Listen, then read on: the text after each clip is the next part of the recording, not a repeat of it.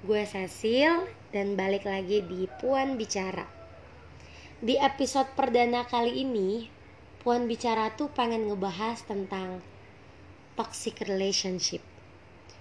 Mungkin sebagian besar dari kalian yang ngedenger episode kali ini ya tentunya udah pada tau lah ya apa sih toxic relationship itu atau mungkin kalian pernah ngalamin entah dialamin sama temen, sahabat, keluarga, atau mungkin diri kalian sendiri yang pernah ngalamin toxic relationship ini. Hayo coba diingat-ingat lagi.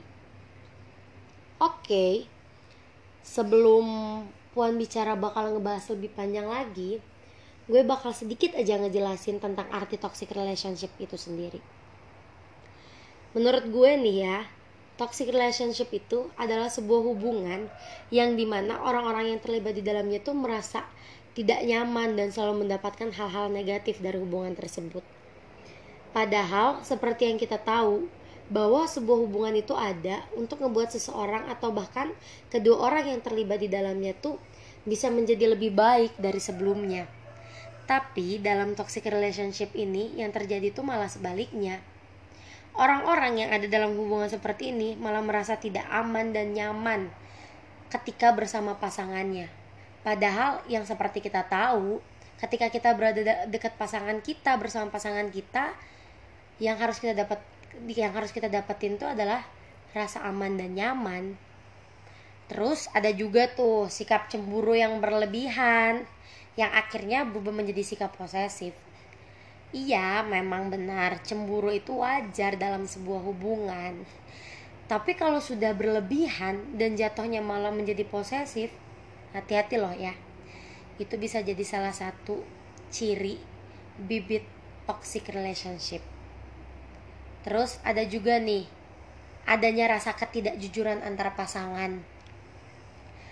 Dikit-dikit bohong, dikit-dikit ngeles, itu tuh merupakan bibit-bibit toksik loh Lalu ada juga rasa bergantung berlebihan ke pasangan. Nih buat yang suka kayak ngomong nggak bisa hidup tanpa pacar hati-hati loh. Itu tuh bisa jadi salah satu ciri kalian ada dalam hubungan yang toksik.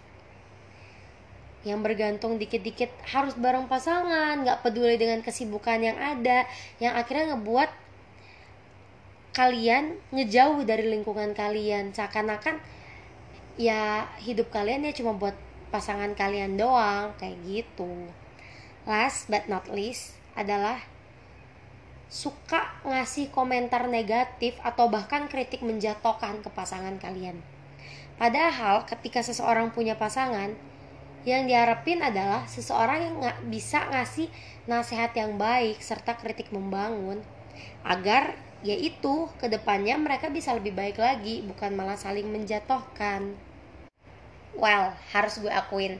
Tidak gampang memang untuk menyadari atau bahkan sampai mengakui kalau seseorang tuh ada dalam hubungan yang toksik kebanyakan dari orang-orang tersebut terjebak dalam rasa cinta dan kebahagiaan sesaat dalam hubungan tersebut.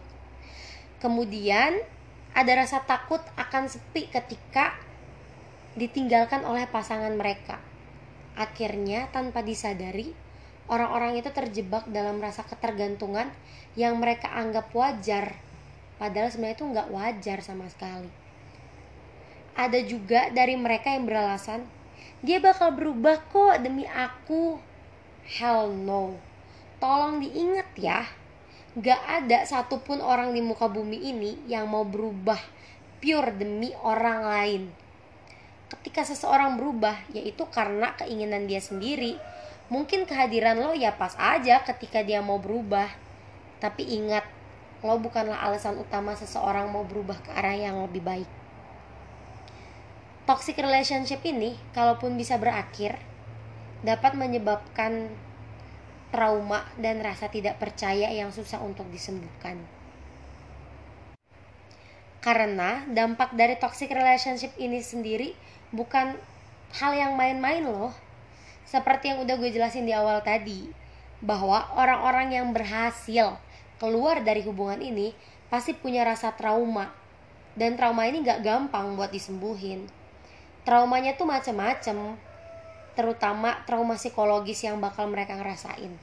seperti bakal susah percaya lagi sama orang ba baru bawaannya curiga terus emosi terus dan sensi. Setiap ada orang yang nanya tentang alasan kenapa sih hubungan lo sama yang kemarin berakhir. Padahal itu tuh cuma pertanyaan biasa tapi lo jadi sensi nanggepinnya karena karena itu tadi udah nyerang ke psikologis lo gitu.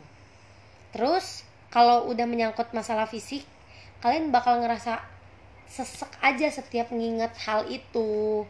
Terus bikin kalian jadi susah nafas sampai gelisah. Terus ngebuat kalian susah untuk beristirahat. Buat tidur tuh jadi susah karena bawaannya gelisah aja kayak gitu. Gue nih punya beberapa tips yang menurut gue ampuh.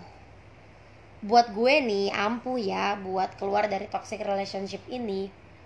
Pertama ya kalian harus yakin dan percaya bahwa kalian bisa keluar dari hubungan itu percaya bahwa kalian bisa baik-baik aja bahkan lebih baik setelah kalian keluar dari hubungan toksik itu. Karena kalau kalian gak percaya dan yakin terhadap diri kalian gimana kalian bisa move on gimana kalian bisa keluar dari hubungan itu? Karena kuncinya ya di diri kalian sendiri sih.